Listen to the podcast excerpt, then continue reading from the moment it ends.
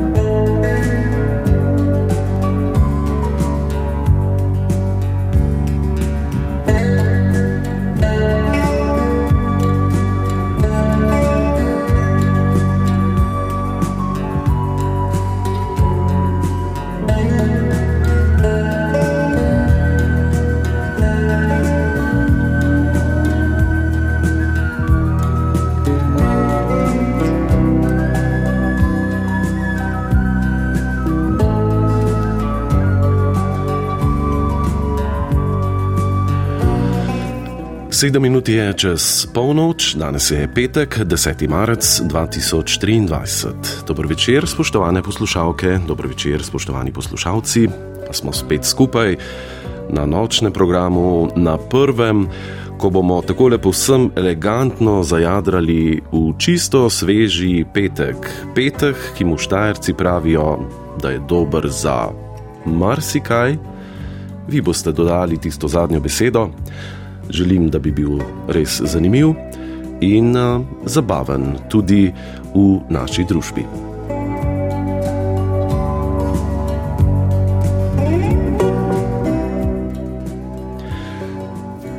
V nočni ekipi na Radiu Slovenija na prvem smo urednica Jana Bajžel. Nočna novinarka Katja Podgoršek, tonski mojster Rok Kokošinek, glasbo je izbral Jane Weber, pred mikrofonom sem voditelj Andrej Hofer.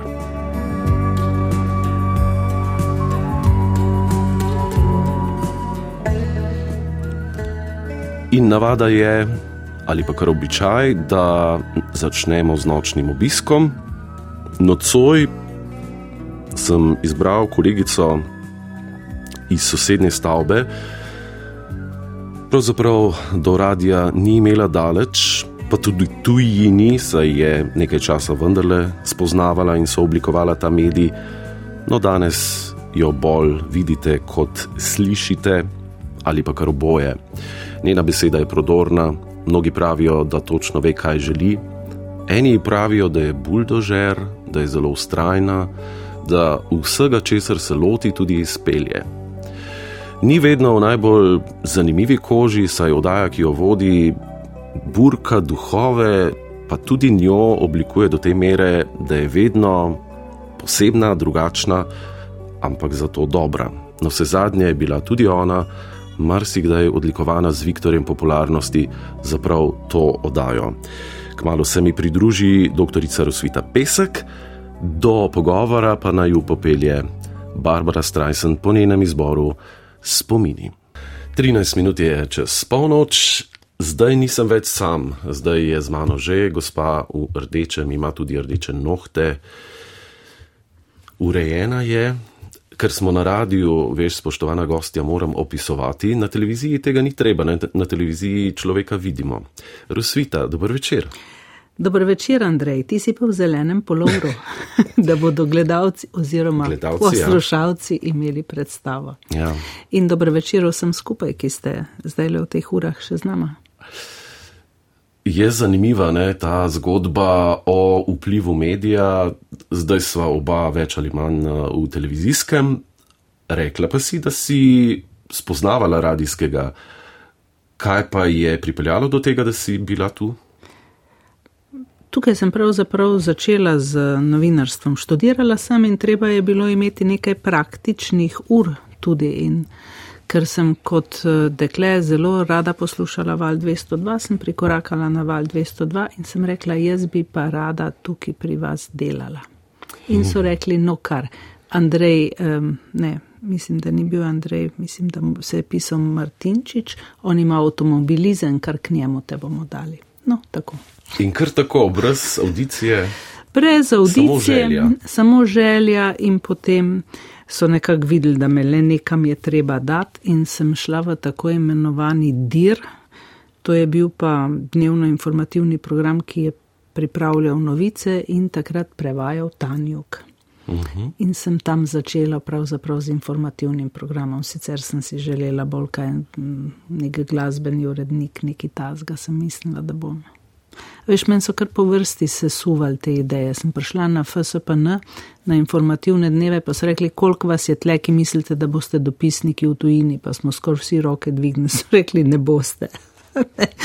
Zato se jih rabi zelo malo. Potem sem mislila, da bom glasbeni urednik na valu 202, no pa sem zelo hitro spoznala, da tudi to ne bom. Pa sem prišla na televizijo na razpis, eh, ki so rabili um, novinarje in uh, so rekli, na kaj se pa ne spoznaš. Jaz sem rekla, na gospodarstvo že nič na ekonomijo. No, so rekli, ravno tle rabimo, bi tle probala in tako nekako. Pa sem pa kavo kuhala nekaj mesecev vsi začetki so pri vsakem posebni, marsikdaj nam kdo ubije sanje, se strinjam. Tudi sam sem šel čez kako tako pot, ampak na koncu pa vseeno pristaneš nekje na neki točki, ki te radosti veseli in je ta točka, v kateri si zdaj in na kateri stojiš, tista, ki te izpolnjuje, usrečuje, je izziv še vedno. Um, Mečken se je nabralo, kako bi se temu reklo, navade. navade ja. um, Samo da ni rutina. Ja, ne glede na to, da so odmevi vsak dan drugačni, da se nič ne ponavlja, je forma vendarle še zmeraj ista. Ne? Zato sem toliko bolj vesela, ko skoči kaj, ko pridejo kakšni odmevi plus ali pa kakšen dokumentarc, tako da še mečkem poflikam zraven, da še vendarle malo širše zajemam, ne samo na odmevih. To, je, to se mi zdi pomembno. Uh. -huh se tudi ti nisi ujet samo v uredništvo razvedrilnega programa na radiju, na televiziji. Najbrž gre za tip človeka, pač vedno novi izzivi, nove zgodbe, drugačnost. Eh, meni je medij zanimiv v osnovi, takrat, ko so neke jasne in stalne smernice, ampak vedno je pa gušt, kot pravimo, če lahko stopiš za korak ali dva levo ali desno in narediš nekaj drugače. Mm, mm. Viš mene recimo zanima postavljati formate na televiziji. Jaz bi postavljala nove oddaje. Jaz vidim našo televizijo, v kateri smo oba, ne, kot že zelo uh, staro gospo. In se mi zdi, da je treba postaviti nove oddaje, nove formate, nove zgodbe, nove stvari. In to bi me kar zanimalo. No?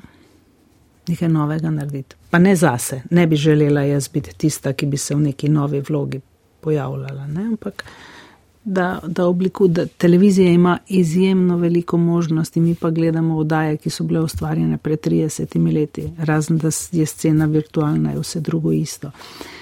Je treba iti malo mal naprej, se mi zdi, malo hitreje. Se ti zdi, da bi lahko združevala obe funkciji, to, ki jo imaš zdaj, in ob tem še razvijala? Ja, sej, glej, sej to neka nova oddaja ni stvar, ki bi terjala mesece in mesece sedenja pri meni je to stvar enega teka, enega dolgega teka, ko se malo zatečem, pa me za 4-5 ur nekje zmanjka, pa si glavne konture v glavi postavim, potem pa samo flikaš, pa izpopolnjuješ. Recimo, tako grejo pri meni ti miselni procesi. Jaz brez osnovne ideje, ki nastane nekje, ko si sam, pa pozabiš, da tečeš ali pa hodiš pa misliš intenzivno o tem, brez tega jaz itak ne morem. Ne. Vse drugo so pa pol, veš, jaz to gledam kot pazlene.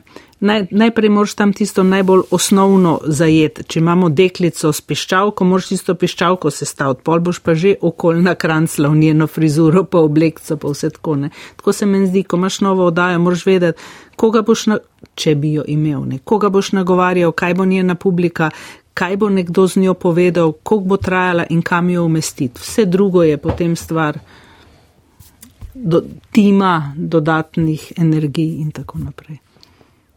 In ravno o energijah smo govorili, preden smo začeli ta pogovor. ko si na radiju, si individualist, več ali manj, na televiziji je zgodba drugačna. Ja. Odvisen si od več ljudi. Koliko te ta uh, konglomerat ali pa mini konglomerat ekipe, ki jih s tabo ustvarja, včasih utruja? Ja, nepogrešljivi so. Jaz, eh, jaz, ne dejstvo, ja. jaz ne razmišljam o tem, da me otrujajo, ampak jaz razmišljam, kje je kdo, kje zdaj tega spet nikega rabima. Veš, eh, mi smo zmeraj zvečer, ne vem, tam po osmi uri se te silnice umirijo in na koncu ostanemo trije v tisti sobi, urednik in turnostni urednik in pač delamo. Ne? In takoj, ko enega zmanjka, ki ga ni, kje je ravno ta ta trenutek ga rabiš, ker je ogromno komunikacije med to 20 in 22 uro.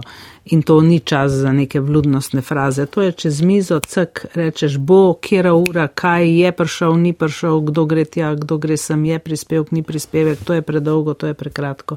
Takrat eh, malo te vludnosti odpadajo in si zelo na kratko naštimana. Na in tako tečejo. Kdo je od teh treh, ki jih omenjaš na koncu pred odmevi, glavni? Katera beseda obvelja na koncu?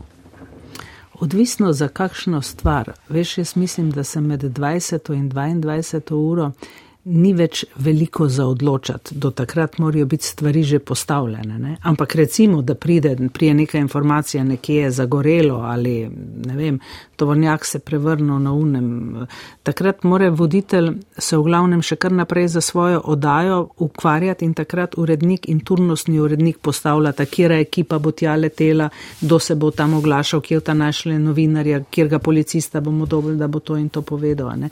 Takrat se mora mene bolj na miru pustiti teh organizacijskih stvari, jaz nimam. Jaz se moram pol spomniti, kaj bom vprašala, kaj bom rekla, a ni ta vrhniški klan že sto let problema, bomo kdaj tole, a ne. Takrat moram jaz eh, vprašanje si zastaviti v glavi zgodbo. Druge stvari pa pol um, ekipa rihta. Za lajka se veliko krat zdi, da se voditelji postavimo pred kamero, povemo tisto, kar smo imeli na meni in odidemo domov. Zatem je seveda še marsikaj drugega kako uh, naporni so lahko odmevi, kako stresni so lahko. Rutina to prav gotovo ni, prav noben dan, ker je vsak dan nova zgodba. Če tako rečem, odmevi lahko imajo za me stopnjo od 10 do 100. Ja. So takšni, ki njih nekih preseškov, običajen pogovor, uh, neke malenkosti z nekih pogajanj, recimo zdaj imamo tega dost, ne, pogajanj teh sektorjev med sabo in tako naprej. Lahko pa dobiš kakšnega gosta, ki pa recimo vrhunskega politika, ne, tam, tam je že mečkem več težav, lahko dobiš, ne vem, lahko dobiš ob kakšnem škandalu, kakšnega človeka, ki je, je zelo različno, ampak veš, gre v bistvu za, za nekaj drugega. Ne? Gre za vprašanje, koliko je zdaj ta človek, koliko mu jih v bistvu odbereš takih, ki mu jih moraš. Ne? In ta človek je pred tabo. A veš, Andrej, zdaj, ko se mi dva pogovarjava, pa jaz tebi lahko rečem, pa dobro, pa zakaj ni un na naši hiši tako, pa ti mi povej si v informativnem programu, se še mi dva zmerom to nekako pogovarjava in lahko razčlenjujeva 20 minut ali pa pol ure ali pa 5 minut. Tam pa imaš tistih 6 minut ali 4 minute, a ne? In od, od njega moraš dobiti tiste bistvene odgovore. Gospod ali pa gospa se pa odloči, da bo povedala vso kronologijo, pa mine šest minut, pa še ni nič povedala o tistem, kar si jo vprašal. Ne. Tist pa ti pol povzroči ena taka želočna vrenja, ki niso prijetna. Ti gledaš uro, vidiš urednika, a ne, ki bo po oddaji na mest, da bi kaj rekel o kvaliteti ali ne kvaliteti oddaje, predrvel dol in rekel, spet smo bili pet minut predolgi in tako naprej. Mi imamo to to presijo časa, ker smo oddaja v živo in zadnje čase je sploh ta presija zelo močna, da moramo biti točni in ni več časa, da bi nekdo govoril, govoril in nič povedal. Včasih naši gostje pa tega ne razumejo, ne? oni si kar vzamejo čas. Pol pa pridemo do tega. A se lahko vrnemo k vprašanju, a lahko še enkrat, oprostite, niste mi odgovorili. Pa pa moraš imeti seveda neko mejo, kolikrat to rečeš, ne? Vse pol si misliš, ko že trikrat rečem, da nekdo nekaj ni povedal, a, a, a so gledalci naši razumeli. Uh mhm. -huh. da noče povedati, da nima kaj povedati, da je te stvari. Ne? Je pa res, da smo vsi od teh gostov odvisni. Odaje so seveda žanrsko različne, niso samo informativne, so tudi razvedrilne ali pa dokumentarne, verske, otroške, športne. Veliko krat imam občutek, da gost tudi kar pusti eno sled v oddaji, v kateri mm -hmm. gostuje in ti kot voditelj oziroma novinar si od njega tudi v zelo veliki meri odvisen. Zgodilo se mi je, zgodilo se ti je, da ti gost nadgradi oddajo, zgodilo se mi je, zgodilo se ti je, da ti gost odgovarja z da ali ne. Mm. In moraš ti kot novinar biti zelo dobro podkovan, da pelješ pogovor. Možne so vse variacije, pa še mhm. trema, kdaj naredi svoje. Mhm. Ali pa kako prikrito sporočanje, tega pa ne bom povedal, bom govoril na okolje. No in tukaj verjetno se zgodi potem želodec in težave. Ja, ja tu, tu, tukaj pridejo stvari ali pa urednik ti reče, njega lahko o tej temi vprašaš vse. In ko pride gost v studio, ne, imaš mogoče minutko časa med prispevkom, a ne pa rečeš, bova začela tu pa to pa to pa to. Ne, ne, o tem pa jaz ne bom mhm. govoril, jaz sem jasno povedal, da samo o tem ne bom govoril. Pol se ti pa vsi endorfinčki uh, odprejo, ker, je, ker se ti je nekaj zgodilo praktično v živo, ker si imel drugačno zgodbo za, za sabo ali pa dru, drugačno vizijo. Ja, ja, ja. A še velja rozvita pesek tisto, da kdaj pa kdaj kdo od povabljenih gostov vpraša, kdo pa vodi nocoj odmeve. Ja, To pa je nekako, to pa je kar je. Ja. To vem, da mi je Slavko Bovovnik ja. Eh, večkrat pripovedoval. Če je bilo omenjeno njegovo ime, potem so kar naenkrat bili ja, ja. nedosegljivi. Ja, slišimo včasih urednike, ki sedijo pač vizavi, ki rečejo, ja, z vami bo nocoj rozvita ali pa tako naprej. Ne, tako da, eh, Ni, vse jaz nisem doživela, da bi bilo tako direktno rečeno, imamo kar težave, ne? kadar povemo, kdo vodi ali pa si pol ljudje malo zmišljujejo, ampak mislim, da tega še kar ni, da so da, da je tako, kot more biti. Ne. Vodi Igor, ok, vodi Tanja, v redu, vodi Rosvita, v redu. Ne. Tako, nekakšne stvari. Ja. In svet se vrti naprej. Ja. Začela sva s Barbara Streisand, uh, Rosita Pesek, je izbrala tudi pesmi za tole noč. Uh, zdaj pa je na tvojem seznamu vedno zanimivi in lucidni primorec Istok Mlakar. Mhm. Imaš kako uh, spremno besedo, preden slišiva? Istoka, ja, kakšnih 20 let nazaj, ko, ravno ko je ta zgoščenka, ki mislim, da je itak bila njegova najbolj uspešna, išla. A so to je, štorijem Baldorije? Tako je, Aha. ja, tak črnovitek z rdečermenim ja. popisan. Jaz mislim, da sem to poslušala pet ali pa šest let vsak dan. Meni je preprosto, so mi sedle te njegove balade, štruncade, romance in tako naprej in zelo, zelo rada poslušam sem pa tudi pravi gentleman, tudi jaz nisem ponudil skodelico kave ali jo sploh piješ. Trenutno sem na dekofeinizaciji. To pomeni kaj? To pomeni, da je teh kav bilo v mojem življenju že toliko, da moram vsaki tok cajta iti na brezkofeinsko. In je želodec rekel, ti, ti, ti, navihanka. Ja. Kaj ti ustvari lep dan zjutraj, ko se zbudiš?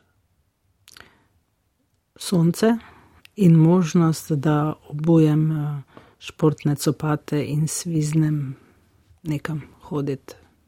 Hoja, tek? Občasno, ja. Je to še iz uh, mladosti, iz navade, je to se zdaj ne. zgodilo? To, to pomeni, da imam vendarle v svojem dnevu še uro, dve, dve pa pol ki si jih lahko ukradem zase. Jaz imam pač nek na mobilnem telefonu nek koledar, ki je skozi poln. Ki je skozi poln, in če mi uspe uh, se izmakniti za uro, dve nekim obveznostim, nekim pogovorom, nekim pisanjem, ki skozi neki pišem, pa delam, potem je, to, potem je to že dobra popotnica za dan.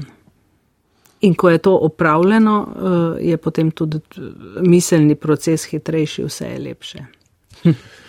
Tek je tudi odlično sredstvo proti depresiji, proti um, še kateri drugi bolezni, kardiovaskularni. Sem nekoč, zdaj ne, hribi z veseljem, plavanje z veseljem, smučanje. tukaj me dobiš, pri ekipnih športih sem pa bolj šibek. Uh -huh. Kako je bilo pa pri tebi, si bila? eh, Timski duh, golmanka si bila. Ja, pri rokometu v, osn v osnovni šoli. Ja. Dobra golmanka? Ja, ja, kar v redu. Ja. E, Če misliš, da sem bila v šestem razredu, pa sem branila za osmi. Aha. Ja. Tam sem bila kar dobra, drugače pa je pa pol folklora prevzela. Zbravi, vse čas uh, je opaziti nek mainstream, je ta novinarski bil, ampak tista želja po glasbi, glasbene uredništvo, glasbena, glasbena, Ja, si ne. si jo pa vse čas Nekje nekje vzela, ozadju, ja. tudi zdaj Ja. s prifarci.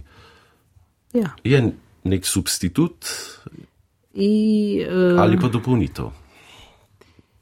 Veš, ta, ta substitut je že kar 20 let? Uh, 15, če moje informacije držijo. 15. Ja, pardon, ja. Z Mitijo smo skupaj nekaj 20. več kot 20, ja. Uh, 15. koncert bojo letos imeli novembra v Cankarjevem domu. Um, jaz sem imela od vsega začetka glasbo neizmerno rada, ampak ne samo, ne vem, Elvisa Presleja, pa, pa te stvari, pa slovenske popevke. Jaz sem imela rada tudi tisto ljudsko glasbo zdravskega polja, ker ko ti enkrat zaplešeš pri folklori, se daš v nošo, ti ena ljubezen do tega ostane. Najprej se, se ve, pol ure se plešajo polke, pol ure se plešajo valčki, pol je pa vaja. In ko ti to, pol se pa gre zimn šrit, pa polka poskakača in tako naprej. In potem to nekako pride v tebe in tudi če za deset let odložiš, ko nisi imel nič s tem opravka, se nekje spet znajdeš v tem in kot bi se vrnili vsi oni stari časi, a veš.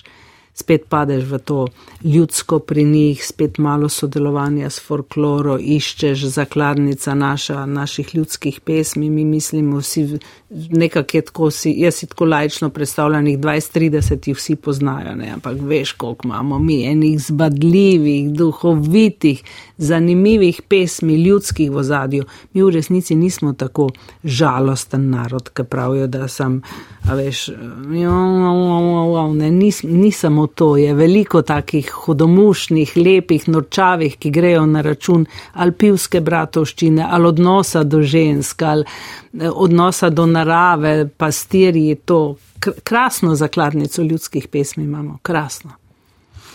Koliko se je pelo v gostilni v Šikolah, kjer si, kot, Ja. kjer si pomagala?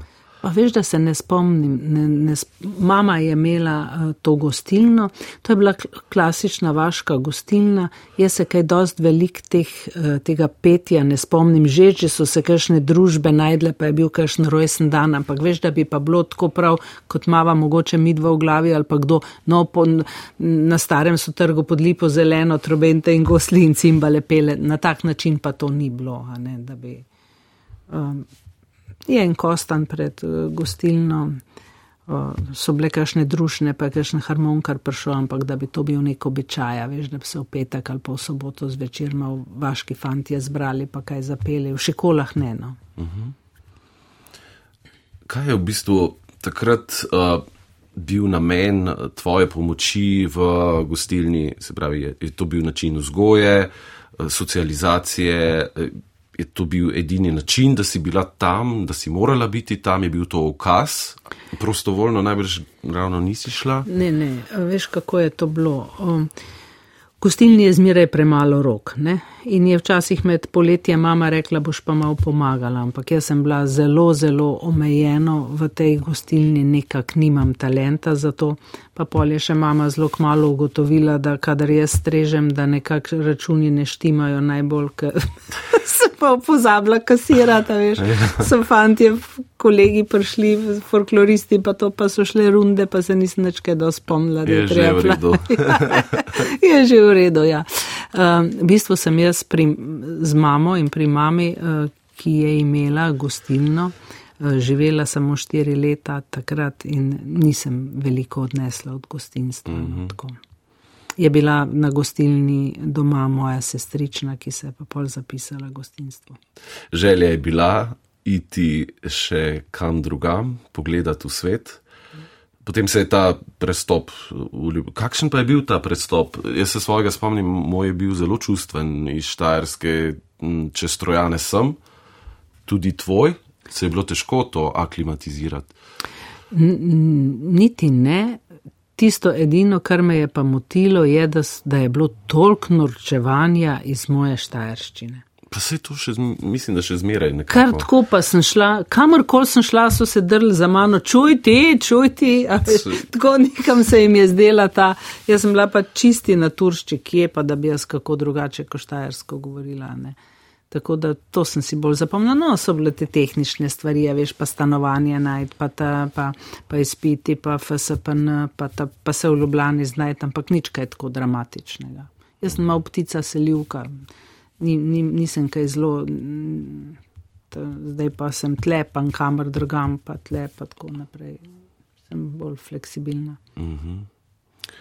Eno od stvari, ki gotovo te osrečujejo, je to, da si sveže pečena babica. O, ja. Uh, kakšni občutki so, ko primeš to majhno bitje? Veš kaj, jaz ne nekno vlečem primerjave.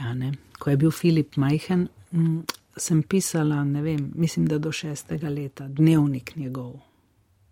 In imam te knjige in predenih dvakrat na, leto dam nasti Filipovi ženi, da lahko potegne eno primerjavo med Matejem in Filipom, ne, ker oba Filip in Matejo sta rojena novembra ne, in se lepo, lepo se vidi. Lahko si pač nastja prebere, ne, kaj Matejo počne pri desetih ali pa štirinajstih mesecih in kako sem si jaz tam zapisovala, kaj je jedel, kokrat je jedel, kokrat je spal in tako naprej. In sem nekako zelo uživo bila v teh primerjavah. In primerjave so seveda lušna stvar in sem vesela, da imamo Mateja in uh, sem se bala, da bom nekako um, težko. Da se bojo mogoče želeli biti malo brez teh babic, ki bi skozi neki hotle. Uh, pa se kar lepo rihtamo, tako da nam je zelo fajn. Babi servis, dedi servis, oziroma kako sem že nekaj videl na vratih, babi in dedi hotel odprto non-stop. Poznaš? ja, to se zdaj večkrat govori. Ja. Uh, pridejo, pridejo k nam, greva mi dva zmitijo k njim, potem še od Filipa oče, da je velik pride, mi smo ena taka razširjena družina. Tako da uh, Matejo stikov z detki in babicami vseh sort gotovo ne bo manjkalo, tistimi ta pravimi in tistimi prženjanimi, če tako rečem. Zdi se mi zelo spoštljivo in zelo lepo v tvojem značaju, kako spoštuješ, ceniš vezi, ne glede na to, kakšne so, ne glede na to, da so se nekatere rašle ali pri tebi ali pri tvojem sedanjem partnerju in da ta konsistenca, ta koherentnost v družini, kakršna koli pa že je, razširjena, še vedno ostaja. Otroci niso krivi nič, torej mi odrasli pa bomo poskrbeli, da nam bo vseeno lepo. To se mi zdi res en tak, uh, ena lepa vrednota, ki jo gojiš in spoštuješ. Ja, Vsi ma, tega niso sposobni. Malo je treba uh, iti čez sebe, a ne in konec koncev. Mi dva sva oba stadeje. Veš, če imaš enega otroka, si rečeš, kako mu to, da mi ne zmoremo biti več skupaj, narediti čim manj boleče. In če se oba v tem izhodišču strinjata, in mi dva stadejem sva se strinjala, nič ne bova naredila, kar bo Filip občutil kot neko prisilo, zdaj sem, zdaj tja. Kadar bo kje želel biti, tam bo. Ne? In se nisva ukvarjala zdaj s tem, a bo tri dni premena, bo dva dni premena, bo šel s tabo smučati, bo šel s ta bo na morje. Ker je pač bil zelo upet v šport, sva se oba zelo potrudila, da sva maksimalno oba sodelovala pri tem, da je bil na vseh tistih tekmovanjih, na katerih je moral biti in na vseh treningih, ki so bili pač, ne vem, od tretjega razreda naprej vsak dan in vsak vikend se je nekje igralo. Ne. In to nam je uspelo in na to sva verjetno še danes ponosna in tako upamo, da sva tudi kaj prenesla na naše otroke, ne, da ne bodo nikoli gojili nekih zamir prek hrbtov otrok in tudi sicer se mi čisto lušno. A veš, smo imeli krst, pa smo se vsi skupaj prišli, pa njegovi starši, jaz še zmerem, da je mami, mislim, da ima zdaj le v teh dneh ravno enkrat rojsten dan Milena, vse najboljše. Rečem moja tašča, ne, zlata tašča. Sej, smo imeli eno krasno obdobje in imamo eno krasno posledico tega obdobja, Filipa, ne? zakaj bi zdaj nekaj zamire kuhali. To moramo sami sabo upraviti. Nič se ne zgodi mimo grede ali kar tako, zgodijo pa se pesmi, ki no. jih oba obožujeva in tale ima gotovo lepo sporočilo. Prihaja iz dveh krasnih grl, Nine Pušlar in Matjaža uh, Robavsa. Ja. Mm. In je po tvojem glasbenem izboru. Mm -hmm. Izpolnil sem ti željo iz mladosti, glasbena urednica si na Radiu Slovenija. ti dve uri, hvala lepa, Andrej.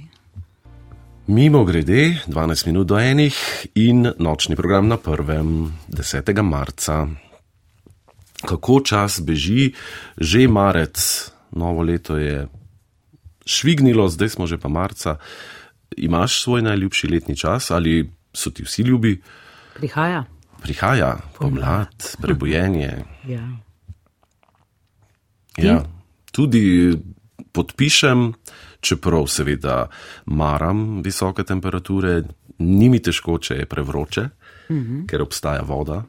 In živimo v krasni državi, kjer je vode veliko, pa se tega včasih kar premalo zavedamo. In da je čista in da je pitna. Ja.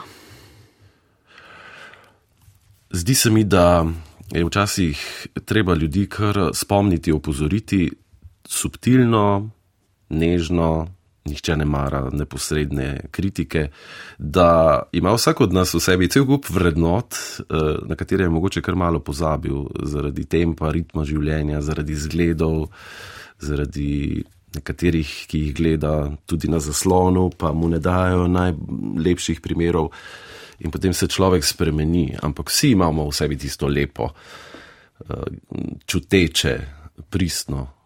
Še znamo reči: Dobr dan, prosim, kako si, in ne odgovoriti samo v redu, pika. Ja, takih ljudi srečujeva ogromno, verjetno oba vsak dan, ne, ki, ki čutijo to deželo, ki imajo v sebi nek optimizem, ki z veseljem delajo, ki delajo nekaj uspešno in radi, ne, ki se radi tudi pohvalijo, ki si vzamejo čas za te. Zato veliko krat sploh ne razumem tega gepa ne, med družabnimi omrežji in realnostjo. Ne. ne glede na to, da me ogromno ljudi prepozna, jaz v življenju še nisem imela z ljudmi iz oči v oči slabe izkušnje.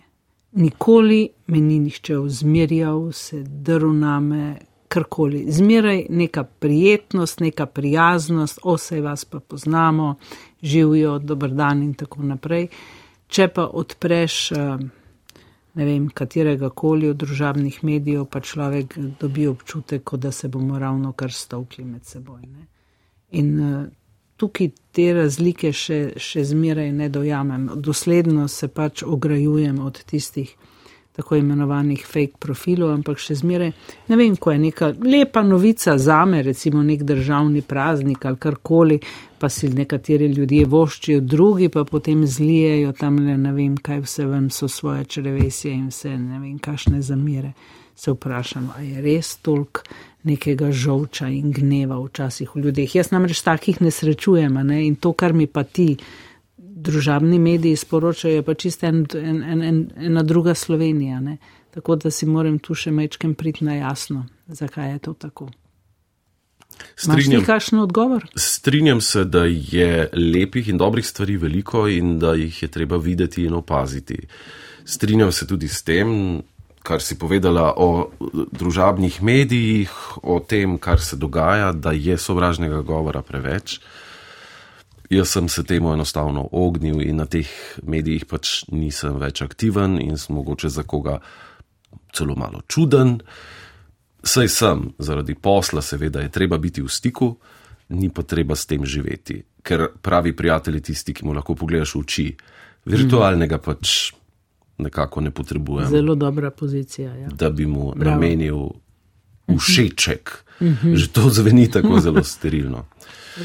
In uh, ker je še COVID k temu pripomogel, da smo se ljudje v dveh letih vendarle malo presortirali, da so izomar popadali okosnjaki, da smo tudi na teh medčloveških odnosih sprejeli kako novo odločitev, kaj novega spoznali v sebi ali od drugem. se še toliko bolj trudim, da se vračam nazaj k živim in pristnim stikom, kot pa k tem virtualnim na svoji tablici ali telefonu. Ne zdi se mi vredno sedeti v restauraciji s svojim telefonom, nasproti sebe pa imam osebo, ki mi ogromno pomeni in ne komunicirava. Pa to prevečkrat vidim. Čestitam za, za ta odklop. Danes pa smo priklopljeni na frekvence prvega programa, na nočnem sva, mm, glede na to, da je za tabo že kar cel kup izdelkov, audiovizualnih, pisnih, takšnih in drugačnih, je ta ura recimo tvoj ustvarjalni cikl uh, ali že Rosvita spi? Hmm, uh, zadnje čase ne več. Ne spi ali ne piše? Ne piše več. Aha. Drugače je pa to bilo kakšno desetletje, tam od njega leta 2000 do 2010, 2013.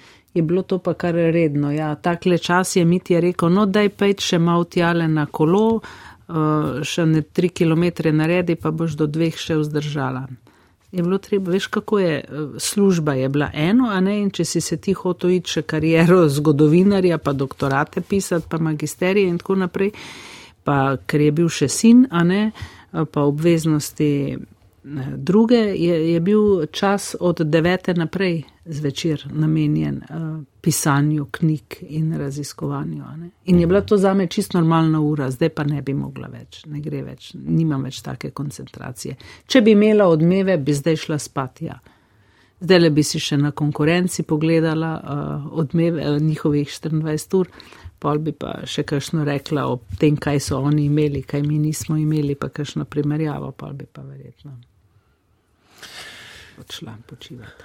Kmalo bodo na vrsti sveže novice, pred njimi pa nekaj, česar ne pričakuješ, ampak verjemi, ne bo bolelo. Edino, kar te bom prosil, te bom za slušalke, ker boš to, kar bo sledilo, morala slišati.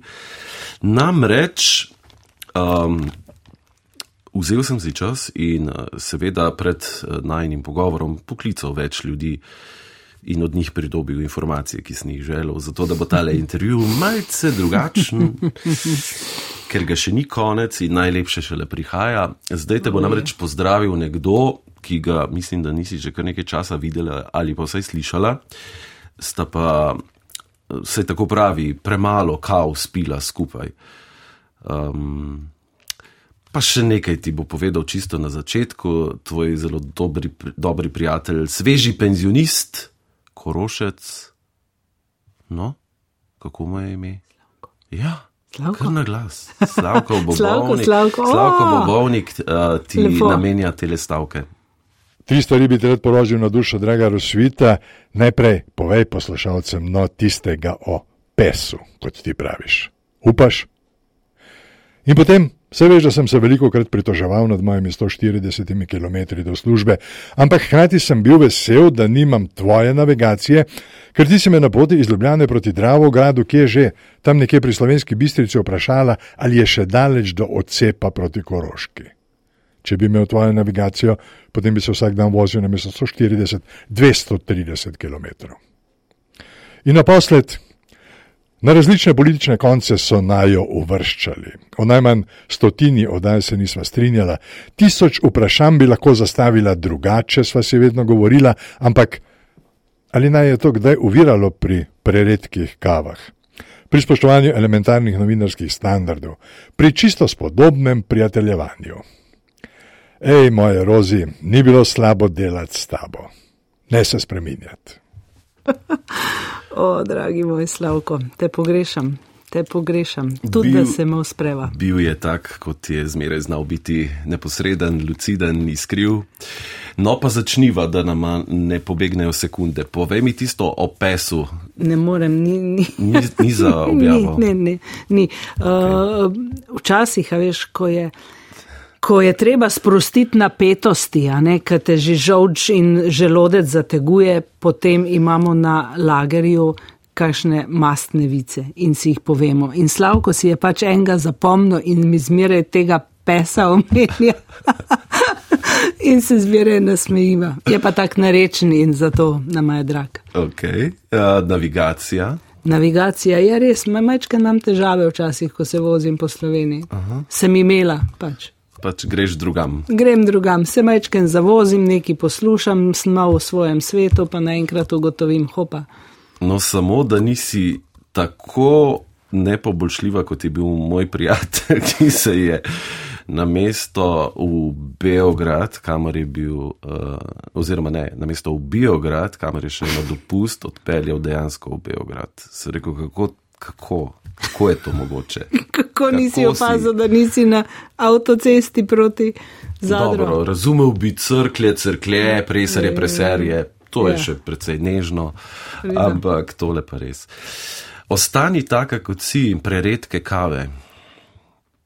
Ne boš verjel, mi dva slavkom se kar vidiva, zato ker on prihaja k svoji vnukini v Ljubljano in oba sva v Župančičevi jami.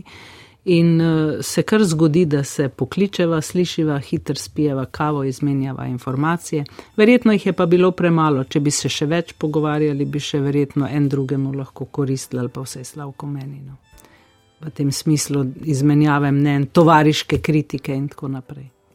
Tako se govori, tovariške kritike, Jaz jo rad slišim, ne zdi se mi nič slabega, če je argumentirana, pa sploh. Uh, no, tukaj smo pa pri enem vprašanju, recimo mojih knjig. Uh, ko pišeš recimo knjigo, ki je portret Jožeta Pučnika ali pa knjigo, ki je portret Franceta Bučarja, to ne pišeš samo zaradi zgodovine, ampak zato, da od njih slišiš tudi nekaj, kar si zase zapomniš in kar je lahko nekaj, po čem probaš živeti. In recimo, ko govorimo o tej tovariški kritiki, jaz sem si tako uživo vidim pred sabo Franceta Bučarja, ki je rekel: Glejte, prijatelji so prijatelji, pa prijatelji. Prijatelj je tisti, ki te pokliče in reče: France, tole si ga pa polomu, tako ni v redu, in ti svoje mnenje pove na, na trdo in se s tabo spre in čez tri dni ti spet pove, da spet ne delaš prav, ni prijatelj tisti, ki ti samo kima in se vsako sekundo s tabo strinja in misli, koliko bo koristi naredil. Prijatelj je tisti, ki pogleda resnici v oči in ti pove. 10. marec 2023 na prvem poslušate nočni program, 6 minut je čez eno, gostja je Rosvita Pesek. Rosvita, kako bo potekal petek, kakšen je današnji urnik, praviš, da so načeloma precej polni. Kaj te čaka? Uh, um, Poleg spanja. Še kar nekaj obveznosti, ene so vezane z enim darilom za mitijo, ki ima v kratkem rojsten dan in jo. nekdo pride na obiske, neki pokaza. Pa tega ne smeš na glas govoriti. Ja, sej se ne bom, se ne, mo, se, ne bo, se, ne bo, se ne bomo mogli temu izogniti, mora soočenje. A mora se soočiti, dobro. Ja. Um, Potem imamo še nek zapozneli rojstni dan, zvečer sem pa gostja na enem pogovornem večeru o domoljubju. A, tako. Uh mhm. -huh. To me je pa zanimalo in to je gotovo bilo eno od vprašanj, kaj je domoljubje. Ha. A se da sploh to na kratko povedati? Jaz bi rekla, da je domoljubje zavedanje svojih korenin. Tako kot uh, ti nekam prideš, pa rečeš, pa kdo si ti, pa odkot si ti, pa uh, kaj nosiš ti sabo, kaj si po izobrazbi, kakšen je tvoj odnos do tega, tega, tega. Tako kot ti hočeš o nekom, ki je ob tebi, ne, pridobiti neko osebno izkaznico, v širšem smislu pač s področji, ki te zanimajo. Tako si jaz predstavljam, da je tudi nekako ne vem, pač moraš povedati, jaz sem pa iz Slovenije, ja, kaj pa Slovenija je, kaj so pa ti kraji na Štajerskem, odkot prihajaš, kaj je pa za njih značilno, kako ste pa tam živeli, kakšna je bila tvoja mladost. Ne. Jaz to vidim tako, ne, kot neko povezanost z neko skupnostjo, ki ima s tabo isti jezik, neko isto izročilo, posluša približno iste stvari, je šla neko isto zgodovino skozi kot ti. In to je dobro o sebi vedeti, da veš, kam te nese in kam se boš oziral v prihodnje. Ne? Ravno tale COVID, ne? pa ga ne bom več omenjala, je, je pokazal, ne, kako potrebna je skupnost. Sej niso meje padle, sej nismo bili vsi v enem COVID-nem oblaku. Vsi smo bili, vsak, vsak, vsaka skupnost je bila po svoje, a ne.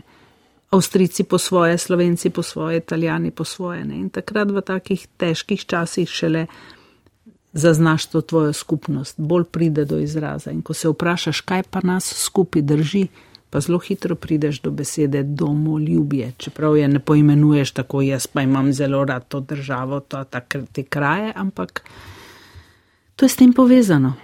S koreninami, s tvojim bistvom, tem, kar si dobil od svojih prednikov, staršev, to, kar boš dal naprej. In koliko je tega domoljubja v slovenkah in slovencih, po tvojem eh, mnenju, koliko je tega domoljubja tudi v programih Radio Televizije Slovenija? Jaz mislim, da je beseda domoljubje dobila malo negativnega prizvoka in to mi je žal, ker smo tok s tem opletali. Uh, mislim, da ljudje kar, um, koliko pa mediji to gojijo, se pa že bolj sprašujem, vsaj ko gledam v te državne praznike, kako se mi tega lotevamo. Jaz sem malo alergična na vse te naše proslave, ti kar povem. Jaz jih ne morem gledati. To je tak program, z neko tako zelo visoko umetnostjo in nič prijetnega. Človeka ne pusti veselega, radostnega, lej, ne vem, praznujemo, kaj jaz vem. Eh, Dan državnosti.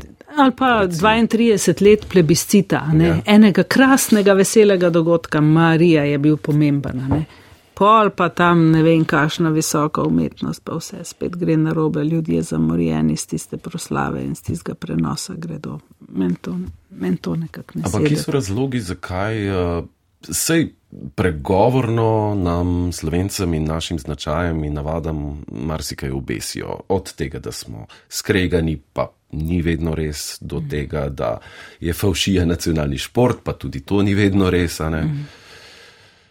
Zakaj, zakaj eh, to mračnjaštvo potem ravno ob dnevih, ki bi se jih morali veseliti, radostiti? Ne vem, mislim, da smo imeli enega premijeja, ki je si je na nek listek dal, da slovenci preveč jamramo. Ne? In jaz to dejansko opažam veliko krat. Osebno moje mnenje je, da se sploh ne zavedamo, kakšne korake smo mi v zadnjih 30 letih naredili kako spet lovimo svoje sosede. Jaz ne smem pomisliti nazaj, kako smo se dobesedno poniževali, pa hodili po tistih ponterosah, pa trbižih in si tam kupovali, ne vem, cunje, kavo, banane, šverce ali tisti čez mejo. Um, kako malo smo bili v bistvu uredni. Uh, zdaj, zdaj pa poglej, zdaj se pa ta tok obrnil, hodi ta gospoda iz sosednjih držav v, v našo Slovenijo pogledati. Meni se zdi, da Če bi samo objektivno pogledali te razkorake, kje smo mi bili primerjalno s sosedi, če govorimo o standardu, kot o eni taki besedi, ki kaže na, nek, na neko kakovost življenja, pa se ne pove vsega, ampak recimo ne, kakšen je bil takrat razkorak med našimi sosedami in nami in kakšen je danes. Mi zelo lovimo ta razviti svet in se mi zdi, da pretirano velikega razloga za nezadovoljstvo nimamo od tega, da, da smo znali očuvati zelo velik del Slovenije, da smo v bistvu pljuča Evrope. Poglej naš gost, kakšno bogatstvo imamo v tem, poglej, poglej naše raznolikosti od ravnice do, do obale in vsega. Mislim, če samo objektivno pogledamo na ta košček Slovenije, ki ga imamo, smo, smo na najlepšem delu sveta. Se spomnim, 20 let, 15 let nazaj, mogoče sem brala eno analizo kam si tuji diplomati želijo iti za diplomatskega predstavnika. Mislim, da je bila Slovenija na prvem ali drugem mestu. Želijo si priti k nam, ker se še zmerom znamo, mečken bi rekla po balkansko, ohladiti, spit kavico, mečken počakati, malo poklepetati. Hkrati nam pa ta Slovenija ponuja res čisto vse, kar hočeš. Ali hočeš gore, ali hočeš morje, ali hočeš prekmursko kulinariko, ali pa kočevski pragost. Vse imamo in ne vidim v bistvu enega pravega razloga za tolk nekega svetobolja, pa žalosti pri nas. Res ne. No, in tukaj se potem eh, vrnemo k tistemu, kar sem povedal na začetku, da je tudi vloga medija tista, ja. da ljudi ali pa nas, ki tam delamo, na to kdaj spomni, da vendarle vse to je, samo videti je treba. Da je pa mogoče tudi naša pedagoška naloga to, da pomagamo, pa rečemo, veš, se ni tako hudo, ker res ni. Ne? En obrat se mi zdi, da bi bil res malenkost eh, potreben. Ne? Od vsega slabega, od vsega črevesja, ki ga znamo ven potegniti, vendar le kdaj tudi dobre stvari objaviti. Premalo je dobrega. Jaz mislim, da je premalo dobrih stvari objavljenih. Jaz že na odmeve gledam, ne, ko probam vse na koncu, dajte mi vsaj 15-20 sekund, da nekaj lepega za konc povem, če že zmeraj ne moramo kakšnega prispevka, ki je malo bolj nagor, da ljudi nekako pomiriš, preden jim zaželiš lahko noča. Ne.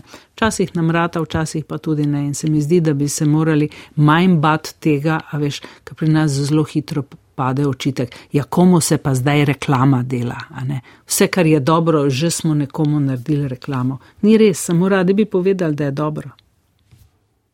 Maš ti tudi kdaj takrat, če hočeš kaj lepega povedati, pokazati en primer, glej, kako je ta dobro neko stvar naredil, aha, a je to že reklama, zelo se tako bojimo tega, da nam ne bi kdo tega očital. Ne. Vse je stvar eh, človeka, karakterja, percepcije. Se mi zdi, eh, ko si ti pripravljen uh, reči, nekaj mi je všeč, privoščim ti, mm -hmm. dobro si to naredil, in obratno, slabo si to naredil, ker in mm -hmm. argumentiraš, potem si gotovo prišel v stik s samim sabo in znaš imeti rad tudi druge. Torej, te nihče ne ogroža. Mm. Zakaj pa bi me nekdo ogrožal, če je boljši od mene ali pa če se ene stvari lotil drugače. To se mi zdi dobro in to se mi zdi tudi omembe vredno ker uh, je tudi takih debat, konstruktivnih, veliko krat premalo. Prevečkrat gre to stvari kar mimo, zgodijo se, aha, v redu, obkljukano, gremo naprej. Lahko bi vsi šli naprej, a ne? Lahko bi in gremo. Te. Optimizma meni prav tako ne zmanjkuje. Um, In uh, zdi se mi neverjeten privilegij, da lahko to povem na glas in da me sliši toliko ljudi, in uh mhm. -huh. da mogoče tudi kdo se z mano strinja, veliko pa tudi ne kar mi je tudi všeč, ker idealen pač nihče od naju ni. Tako nekako. Ja. No, pa da ne bova preveč zašla. Greva nazaj k glasbi. Um, zdaj sva pri čukih. Hmm. Love is all around. Vse pa vsot ljubezen. Ja, tako. Ljubezen, spomnim se enega reka, tako na prvo žogo je mogoče malce patetičen. Ljubezen bo rešila svet, pika. O, A to ni Lave Zindier, to je ena ne. druga. Kdo je to rekel? Ljubezen bo rešil. A je to kaj od Bitlov? Uh, lahko da je. Jaz sem to videl samo kot citat zapisano v enem elektronskem sporočilu. Ampak ljubezen, ljubezen do glasbe, ljubezen do hrane, ljubezen do pogovora, ljubezen do življenja, ljubezen med politiki, ljubezen v parlamentu, ljubezen resnično lahko, pa ne zdaj tista posteljna ljubezen, ampak ljubezen, spoštovanje lahko ja. reši svet. Spoštovanje, ja če bi se ljudje znali pogovarjati in pozdravljati. Mm -hmm. bi, bi bilo veliko bolje. To mi je ja. Franče Govc rekel enkrat, kdaj bo svet boljši, vodja štirih kovačev, rekorderi Guinnessovi, ne? 68 mm -hmm. let že igrajo. Mm -hmm. Ko se bomo ljudje začeli med sabo pozdravljati, a ni zanimivo? Zanimivo. Kdo te še danes na ulici Ljubljane pozdravi? Ja. Dobro, si, Mesta so druga si zgodba. Medijsko ne? znan. Ja. Podeželje še se zmeraj, ne? dan ja. začne z dober dan sosed, drugo, ja. tretje. No, gospo, gospoda Šegovca in gospod Hermino je pa že treba kdaj kaj vprašati, pa tudi slišati, ker ta dva pa imata res veliko zapovedati. In ona dva res veste, kaj je to ljubezen in kje je vse ta ljubezen skrita tudi v odnosu drug do drugega mm. in do glasbe, ki gre v analo in v naša ušesa. Še devet minut je do pol dveh, nočni program na prvem, spogledujemo se z jutrom, menda prihaja pomlad, z rozsvito pesek, moja gostja sva že ugotovila, da se po to, kar podpiševa, da nam je to ljubov. Rože, tvoj odnos do rož najbrž je stanovanje je polno rož uh, ali ne? Uh, no, moja ljubezen so predvsem potonke. Aha. In uh, seveda tudi rože na vrtu, rože v vazi. Rože so kar pomembne za ljudi. Tudi v Ljubljani uh, si vrtičkar imaš? Ne, zdaj trenutno ne, ampak upam, da bo poletje že drugače. Ja, ptiček mi je povedal, da Rosvita gradi hišo. Ampak to se mi zdi zanimivo. Rosvita jo gradi. Mislim, Rosvita je buldožer, ona to tišči Ja. naprej. Ja. Uh, Mečken imam tega veselja, pa enkrat sem eno že zgradila, pa malo sem eh, sinu pomagala, pa pol je pa nekako padla odločitev, da bi pa nekako zdaj v tem času, ko se že malo spogledujemo, sicer še ne tako hitro z upokojitvijo, ampak vendarle, da bi, da bi spet imeli nek vrt in neko pritlično hišo in zdaj nastaja. Dom, korenine, o tem ja. so danes govorila. Filip je tudi dom, tudi korenina, tudi tvoja sled, tvoje bogatstvo. Kako pogosto se slišita, vidita? Vsak teden. Hvala Bogu, da je tako. Nekako eh, sicer zmeraj jaz kličem, a ne. Razen, ko je treba kakšno, kakšno varstvo za Mateja, takrat se Filip oglasi. Uh -huh. Eh, Sem kar vesela njegove uh, karierne poti, njegove odločitve za zakon, uh -huh. za otroka. Lepo mu gre. A je kdaj potožil, da je težko nositi to breme v navednicah primka pesek? Eh, Meni nikoli direktno, ampak jaz sem še zmerom tista bolj skrbna mama, ki vse njegove objave in vse, kar da na YouTube in kar objavlja na družabnih medijih, pregledam in preberem. In vem, da je enkrat v enem pogovoru rekel približno takole. Zmeraj me je bilo strah, da bi kaj zasral in bi potem mojo mamo zaradi tega peglal. Ne? Poglej, kaj je sin naredil. Tega sem se zmeraj bal. Nikoli nisem upal biti nedostojen ali ušpičiti kakšne neumnosti, ker sem pač vedel, da bo to padlo na mamin hrbet in se mi je zdelo, wow. Mm, ja. No, um, zdaj, če rečem, vzemi slušalke, veš, kaj sledi. A, še eno presenečenje. Seveda. Andrej, Ja, Hvala. ampak eh, to, je, to so samo, jaz pravim temu, cukri, dodatki k najnemu pogovoru. Uh, bo Filip dodal še kak stavek na pravkar povedano? Kdo je Rosvita? Hm. Za me primarno seveda moja mama, torej oseba, ki uh, me je rodila, oseba, ki mi je, ko sem odraščal, dala uh, vso potrebno ljubezen, energijo, mi privzgojila tiste vrednote in razmišljanja o življenju, ki mi pač dejansko še danes koristijo, tako da sem dejansko zelo vesel, da jo imam in jo imam seveda tudi zelo rad, čeprav je to mogoče premalo krat povem. Uh, zdaj, neka taka misel ali pa kako bi jo opisal izven tega, uh, uh, uh, tega pojma mama, je pa to, da je dejansko res profesionalka in občasno res uh, že rahla perfekcionistka. Govorim seveda za stvari, ki so ji pomembne, ker sem jo videl speljati marsikater osebni poslo, ali pa poslovni projekt, ali pa knjigo, ali pa neko vdajo. Ker ko je njej nekaj blizu, se na to res pripravi in res profesionalno spelje cel proces od A do Ž, in bi jo v bistvu zato na tej točki res uh, pohvalil in sem zelo vesel za vse, kar je ustvarila v svoji karieri. Mama, lepo se mej. Mamica, ja, mamica. kako uh, je slišati te stavke? Ja, vesela, da je to opazil. Mogoče mi res kdaj kaj premalo krat pove, saj tudi jaz njemu mogoče premalo krat povem, pa zdaj, ko se bomo v soboto uh, videli, bom probala to popraviti. Včasih najdemo kakšen tak trenutek, ko se malo bolje spovemo. Ja, glede tega, jaz, jaz eh, vem, da sem kar um, um, mečken zahtevna, ne? ker se mi zdi, da če greš v neko obveznost, v neko nalogo, pol daj to spelji z vsem tvojo odgovornostjo, znanjem, nisem polovičar ne? in nekako to pričakujem tudi od drugih. Sej, eh, mogoče drugih ne moti toliko, da jaz to zahtevam od sebe, ampak hočem pol, da vsi tečemo približno z isto hitrostjo in uštricne. Rada imam ta ekipni duh, da, da si vsi prizadevamo. Težko, težko gledam nekoga, ki veš, tist se mi ne da, pa ne morem, pa bi šel tja, pa je že treba zdaj, a ne bi to. Rada, ki začne vost, vost teč po, po, po, po neki poti, dajmo to narediti. Dejmo. To imam rada. Ja. Veš, kaj imam pa jaz rad? Hm. Ker ja, nam ostaja še približno 30 minut časa, ne prav veliko, ker vidiš, da hitro gre. In ker naj voz tudi zelo dobro teče, zdaj so se dotaknila Filipa, zdaj nekdo je še seveda nekoliko bolj prezenten v tvojem življenju zadnjih 20 let, kot si prej rekla, ne? prifarec Mitja Ferenc, doktor Mitja Ferenc. Mm, pa sem si rekel, pa zakaj ne bi ob tej uri, noč je mlada, se mi malo podružili, ne samo tako le nadaljavo s posnetki. Kaj me tako mrko gledaš? Kako bi se podružili? Kako bi se podružili? Glej, tako, da se bo zdaj le tam le vrata odprla. Dober večer, kar naprej. Živijo. Živijo.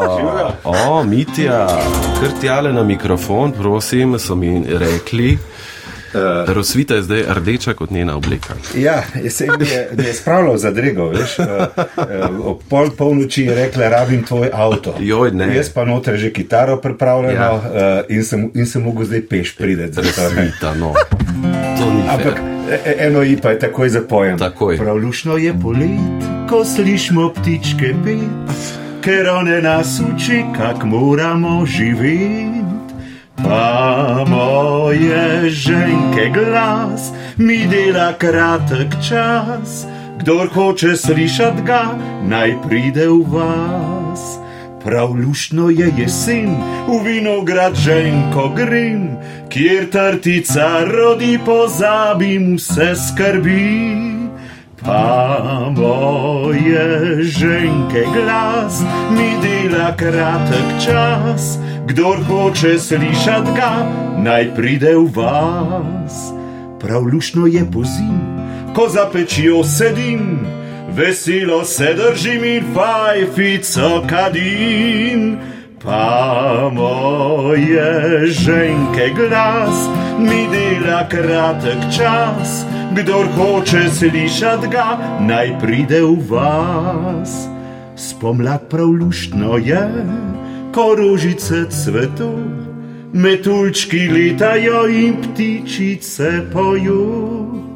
Pa moje ženke glas mi dela kratek čas, kdor hoče slišati ga, naj pride v vas. In sledil je objem in poljub. Se bova doma pomenila? Kriv sem jaz, ni on. Jaz sem, jaz sem bil tisti, ki je to predlagal, in mi ti je bil za. Ti je uspelo? Ja. Lepo, hvala lepa Glej, za moje ženke glas. Ja, pridete pa za igrat, pa za pet minut, pa vedno je neko veselje. Ja, spodobi se jim pravično. Je. In se, jaz sem ti rekel, meni srce za igrače lahko naredim kaj po svoje. Izven klasike. To, to je ta Rudi Karel, ne? še prej ja. doma, zdaj pa že v našem studiu. to je res lepo. In lepo jo je videti skupaj. Zdaj, jaz sem sicer svoj lastni scenarij zdaj malce na glavo postavil, mm. ker um, imam še nekaj pripravljenega tule v tej škatli, ki se ji reče računalnik. Mm. Um, ampak bo prišlo iz njegovih ust, mogoče malo kasneje bomo mi zdaj malo zadihali, pa, uh, pa si privoščimo kakšno pesem. Rosita je izbrala še prifarske muzikante, menda jih dobro poznaš. Čisto slučajno. Čisto slučajno, ja. Potem Viktor, Pepe in Kri, Gloria, Stefan, Gabi, Novak, Perpetuum, Jazzile, Whitney Houston. Kaj bomo do šestih zjutraj? Ne, ne bomo. Pa ravno je uh, začenjalo lušno biti. Ja. ja. Kaj, kaj bi od tega? Uh, pa dajmo tisti nekdo. Tisti nekdo, Mitja, dobro večer. Zdravo, živijo. Zdravo. Še pred nekaj trenutki doma, zdaj na posnetku, potem pa še z nami. Tisti nekdo. Tri minute čas pol, drugo, štiri, pravzaprav, uh, uh, razvita. Kakšen je srčni utrip? Uh, Zmišljen. Imaš, imaš rada presenečenja?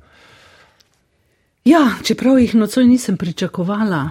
Ja, hvala, Andrej. Zgodijo se takrat, ko najmanj pričakuješ. Potem ne bi bilo presenečenje, če bi ja. ga pričakoval na smisel. Običajno ja. je res tako. Mitja je bil prav tako zelo prijazen, uh, bil je moj informator. Uh -huh. le kdo Celo drug. to, celo to, Vidiš, se mi dva sta taka poštena, sodobna moška, mi dva Vse priznava. vse povesta. In to še pred mikrofonom, pred pričami.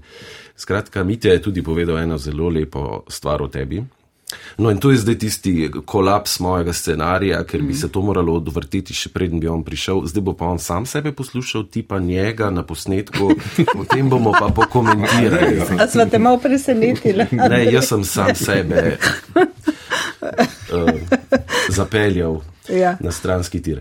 Mitja uh, je o Rosviti povedal tole, slušalke boste potrebovala uh, in uh, poslušajmo. Z Rosvito bova naslednje leto slavila 20-letnico najenega skupnega življenja. In v tem času sva naredila mnogo skupnih stvari. Stanovanje, hišo, doktorirala, napisala nekaj knjig, naredila kariero, ampak zase lahko rečem, da mi veliko tega ne bi uspelo, če ne bi imel ob sebi nje.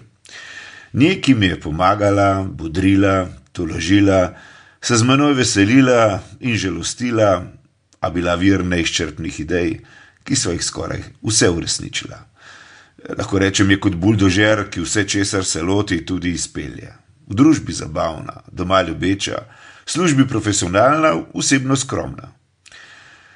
Se pa spomnim, da smo nekoč igrali na Tromostovju. Ja, jaz sem jo poznal kot novinarko iz televizije, peljala se je s ponjem, mislim, da je bil bel, mimo odra, se ustavila na desni strani in poslušala dolgo. Jaz sem pel gor na odru, še bolj zauzeto kot sicer, z mislijo, ali se bo kaj zaiskrilo. Pa se je odpeljala in je bilo treba čakati še nekaj let. V tem času sva sicer strokovno že sodelovala in nekoč sva se srečala na otvoritvi razstave v Cekinovem gradu. Beseda je dala besedo, ona je pripravljala magisterij, jaz doktorat in sva rekla: Tisti, ki prvi konča, povabi drugega na kavo.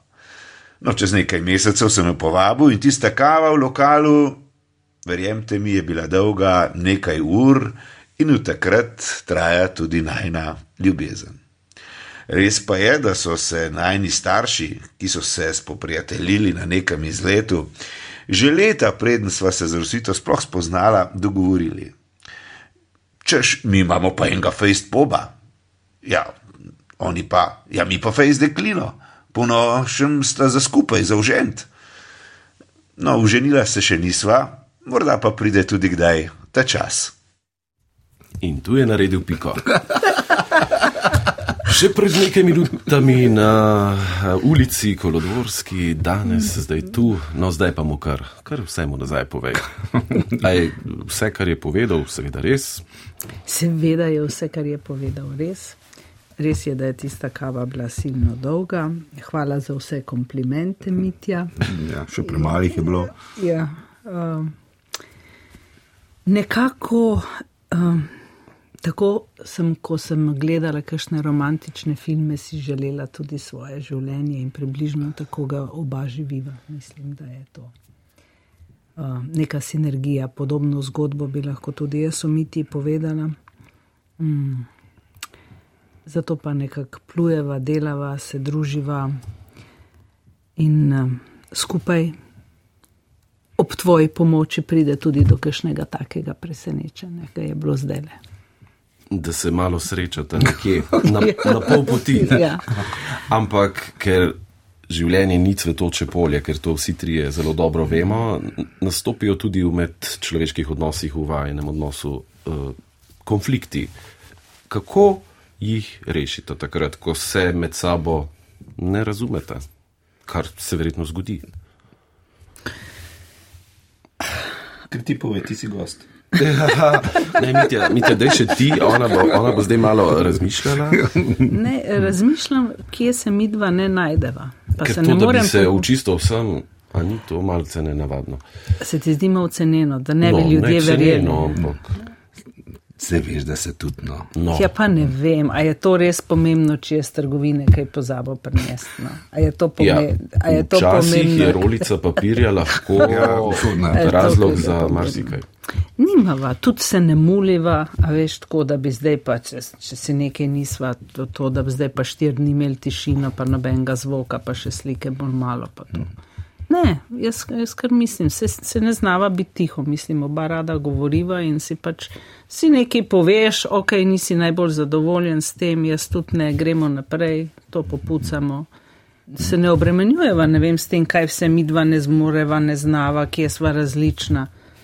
Sta pa najbrž drug drugemu kritik, prehud kritik. Pre... Poslušaj, to, eh, ko se odmevi končajo, ja. pride tistih 20 minut, ko pride domov in najprej pogleda. Ne, takoj me vidi, a sem gledal kom, eh, kon- konkurenco ali odmeve. Ne. Jasno, da si ne upam gledati konkurence, A? Ko, ko so odmevi. In potem sledi vprašanje, ne, kako je bilo, kakšen je bil gost, a sem dobro vprašala. Ali je bilo to narobe?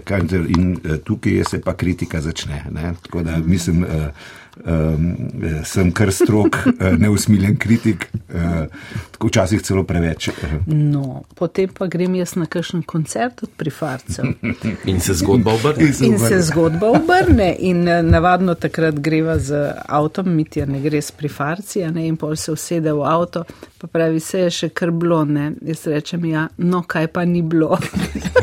in potem, če je res dolga razdalja, prideva do konca, drugač pa zmanjka kilometrov. Tole ni bilo, tole ni bilo, tole ni bilo. Ja, se vem, ja, se vem. Tako približno. No, stro, Sej- stroga sva si je do drugega, kadar se, eh, ker eh, si kar poveva kritiko, za, za, seveda zato, da bi. mm, In kot sva prej bolj- rekla, če smo usvojili bučarjev nauk, ne, mm. prijatelj je tisti, ki ti Pove. pač pove in ti s tem pomaga, da se izboljšuješ, potem eh, sva si za to kritiko verjetno tudi hvaležna. Gotovo.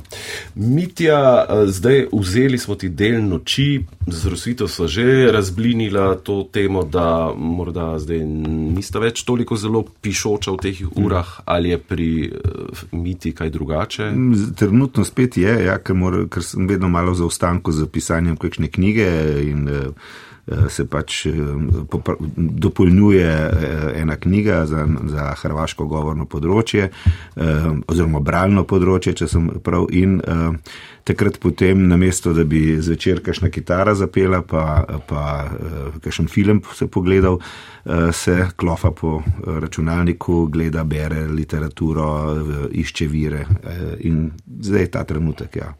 Ja, se, potem se pa spomni Hofer in reče: Pridi tisto kitaro sredi noči. Ja. In jaz sem šla od doma in sem rekla, a me boš počakal, ko pridem domov, ali boš že umagal. A je rekel, bom verjetno. Bom umagal. Ja. Dobro je igral. Dobro je igral, res je dobro igral. Gremo naprej z glasbo, ker eh, nam eh, tole, eh, tale eter uhaja zelo zagotovo. Bomo res vsi šli počasi v horizontalo. Ljubezen, ki bo rešila svet, ljubezen, ki združuje ljudi in ljubezen, ki se lahko odraža na različnih področjih, tudi pri poslu, bo zdaj zazvenela tudi v glasbi, skupaj s skupino Pepel in Kri. Uh, Prej sva govorila o Berti Ambrož, ki je Slovenska popevka leta 65, takrat, ko sem se jaz rodila. prišla mala Rosita na svet. Ja. A Mitja, ti tudi poznaš svojo pesem iz svojega leta? Iz svojega leta 60. Ja. Niti ne, eh, bi, bi mogel pomisliti, čeprav Ne imam v vem, če je glavi. bila že slovenska Ne, popevka se- takrat. slovenska popevka je bila iz 62. seveda. No, torej, aha. Pa Mandolina in, te- in No, take stvari. ti bomo našli eno. Ja. Pa tudi, če bo kekčeva, recimo. Ampak zdaj pa dan ljubezni, to pa vsi znamo. Še vedno pristna, večna, poboža, dan ljubezni 13 minut pred drugo. Ko je pa David Hrušovar tole pel na Evroviziji, je pa mislim, da služil uh, vojsko, ker se spomnim, da je prišel na ta nastop še v uniformi. Leta 74. Ja, tam nekje. Spomnim se njegovega pripovedovanja. Evrovizija je tudi pred vrati, zdaj smo marca, maja se bo zgodila. Mitja, a je to dogodek pri vas pogledata ali gre to mimo? Pogledava, ja, ne pa bom rekel z, z veliko večjim veseljem, kakšne domače festivale. Uh -huh. Zato, ker spremljaš, kam gre, kam gre ansambl, kam gre pevci, kako, kakšne pesmi imajo. Eurovizija pa je bolj spektakel. Šov. Šov, ja, šov. Uh, tako da um, pogledava pa vedno. Ja, pa tudi zmagovalci so zmeraj bolj posebni, se mi zdi, kot da posebnost prevlada nad Moskvo. Ti si specialist za Eurovizijo. Imáš občutek, recimo zdaj uh, gledamo in beremo, kakšna je Celine Dion.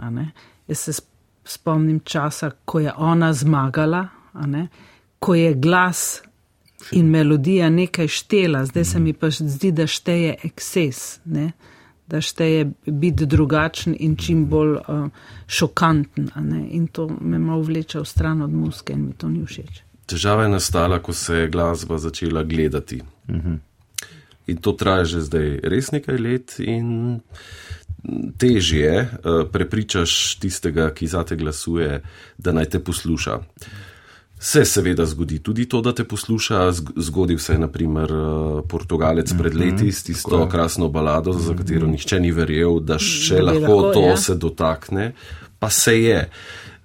Slavili pa so eksperimenti, kot sama praviš, in kjer sem enako začutil eksperiment uh, v glasbi in nobene posebne umetniške vrednosti. A te bomo eh, letos spet slišali? Bomo. Kot... Oh, bomo. Iz Ljubljanskega studia. Aha, ne Vsekako. bomo vpraševali naprej, ker smo vendarle v isti hiši. Ja. Ja. Bo, bolje tako, da. da jutri imamo še službo, pa tudi. Ja, ja. Kar danes, kar danes. Je da, že kar petek, danes je, je že petek. petek ja. Mitja, Rozvito sem prej vprašal, zdaj še tebe, kakšen dan te čaka, njen urnik je poln, je tvoj približno enako? Uh, poln skos, uh, itak je premalo ur v dnevu, uh, ampak zadnje čase to skar skupaj, vse to, če je v zvezi kaj z obrtniki, pri gradni hiše, uh, v bistvu kar oba dva, uh, skočva, uh, tako da uh, pravzaprav je, je a ne, da je svakar več imam cel dan skupaj. Razen, ja. kadar imam predavanje na fakulteti. Pa, kadar imam jaz odmeve. Ja. Ja, tako da. Ja.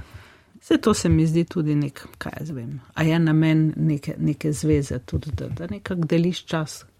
Da, da kvalitetno združuješ misli, preskakuješ. Ja, imamo se... srečo, da sicer da mava, um, kadar, kadar mava uh, službo ali pa obveznosti za pisanjem knjig, da takrat so trenutki, ko uh, so temperani, a ne drugače pa mava veliko tudi prostega časa, um, ki ga pa seveda potem izkoristimo, da smo skupaj. Hvala Bogu. V vsaki vezi in odnosu se mi zdi pomembno, da si človeka ne lastiš, ker nisi nikogaršna last. Ja. In da puščaš partnerju svobodo. Ja. Tebe gleda. Tebe gleda. Oči mi, oči mi švigajo levo ja. in desno. Veš, kako je zdaj s tem lastenjem? Mečken je pri meni to težava, jaz sem vendarle bik. Ne? Bik je imeti. Ne? Oven je goreti, iti naprej. Imeti goreti. Ja. Uh -huh. Uh, tako da, ampak seveda, to je bolj, bolj šala, bolj dol tip. Uh, ja. uh, mogoče, mogoče je treba tudi uh, tukaj kdaj uh, reči odkrito stavek. Uh, nikoli me Mitja še ni vprašal, zakaj si bila kje tako dolgo. Tega sploh ni bilo pri nama. Nikoli nikoli ni bilo z njegove strani nobenega, nobene besede, ki bi mejila na to, kaj se. Bi si ti uh, to želela slišati? Ne, ne, ne, ne, absolutno ne. Ni, to smo že šli naprej od tega. Uh, a, a si me hotel tukaj vprašati? Ne, ne, jaz sem samo nedolžno, aha, uh, aha. pač skromen. Ne, vidim včasih neke take čiste razve, a veš, vidiš vse mogoče, ne, ne ravno med prijatelji, prijatelje imava zelo, zelo v redu, jih imava bolj malo, ampak imava pa res. Tisti, ki so, so pa. Uh -huh. So pa, ampak tako včasih poslušaš kakšne zgodbe, pa težko verjameš, da so ljudje danes tako malo posestniško in posestniško razmišljajo v odnosu do drugega. Ne? Mitja? Potrjujem tole, kar je. Ne, se, mislim, da se nisva daleč od tega, da bi bila posestnika en do drugemu. Si pustva dost, dost frej, tako da vse ok. Ostala nama je še ena izjava nekoga, ki ga pa vendarle ni tukaj. Zdaj, zdaj pa jaz uh, moram uh, samo pogledati v tole čarobno škatlo. Tako je, uh, kolega Rok je že pripravil ta posnetek. To bo človek, uh, ki te prav tako zelo dobro pozna, saj nisem klical tistih, ki te ne. In ki mi je povedal spet nekaj lepih reči o tebi, je iz Fare, je ravnatelj. Oh, Martin. Ja, Martin je rekel tole. Ja, povedano z enim samim stavkom, Rosvita je moja prijateljica. Poznava se že skoraj 20 let in seveda pri farci so bili tisti, ki so naj jo povezali. Je iskrena, nasmejana, hudomušna, ja, včasih pa tudi nekoliko pikra. Kar pa me najbolj veseli pri njej je to, In to tudi seveda najbolj cenim, da je brez dlake na jeziku. To, kar pove, pove direktno, brez ovinkarjenja in nekega nepotrebnega zapletanja, vsem po vrsti in eh, seveda ne glede na to, kdo je in kaj je. Tudi pri farci danes ne bi bili to, kar smo in smo v samem vrhu slovenske etnoglasbe. Pa tudi koncertov v Cankarjevem domu si ne znam predstavljati brez njenih idej in brez njenih natančno spisanih scenarijev, ki navdušujejo že 15 leto zapored. Je povedal Martin Marinč. Zdaj se pa že počutim kot na inauguraciji za kraljico. Tole je vse bilo tako. No, vse je oblečena si primerno. Zdaj še samo krono prinesemo. Uh, klej, uh, tudi pri Farci so, so ena blazna sreča, ena krasna skupina, ena dobra družba in zelo, zelo veliko veselja in smeha. Krasno se imamo. Vse to tudi fanti opisujejo, Mitja to doživlja še od blizu na drugačen način. 15 let pa tudi ni tako kratka doba, ne? verjetno se je idej steklo in pretakalo veliko, še ostajajo. Uh, bilo je pa hudo od začetka. A si zamisliš sedem egotov moških in pride ena ženska in, in pove, zdaj, zdaj bom pa jaz vam nekaj ponaredila, če boste sprejeti, tako bom, ta pesem bi bila, ta pesem bi bila, takle scenarij, tole bi bilo, to je bilo boleče. Ja. Boleče, eh, trpeče, tudi med nama najbolj, a ne, ker smo se pogovarjali, ker nekako le program ustvarjam pri, pri, pri farcih oziroma ga pripravljam. Zdaj ni več besede. Ne. Ko ona reče, da bo nekaj napisala, super, v redu, kupmo že takoj, predn boš kaj napisala. E, jaz so bila pa potrebna leta, da smo to sprejeli. Ego ti so pa močni. Voz gre počasi naprej, ampak Andrej, sigurno, veš, sigurno. In veš, kaj je zdaj največja fora. Ne? Zdaj se sprašujemo samo še, kdaj jo pri Farsi šli na Eurovizijo. Ja, ja, ja. Na, e, na Emo Fresh, veš, kako so se to izzive za eskime. Samo vprašanje. Ja. Ema Fresh bi bila za njih ta prava. Fresh, tako. tako, tako. Ja. Spoštovana kolega, prijatelja, no, čas. Je v večini primerov naš zaveznik, na televiziji je mogoče še malo bolj krut, kot je v nočnem programu, ampak tudi nam je odklenkalo. Tečejo, tečejo nitke. Tečejo, bi rekla, ja. Naša Marija. Naša Marija Ahačič, Mitja, hvala, ker smo vzeli del noči. Z veseljem. In enako tudi tebi. Hvala lepa, Andrej. Meni je bilo lepo, kako je bilo tebi, boš lahko preverila v spletnem arhivu. Hvala lepa, a gremo kaj narezati?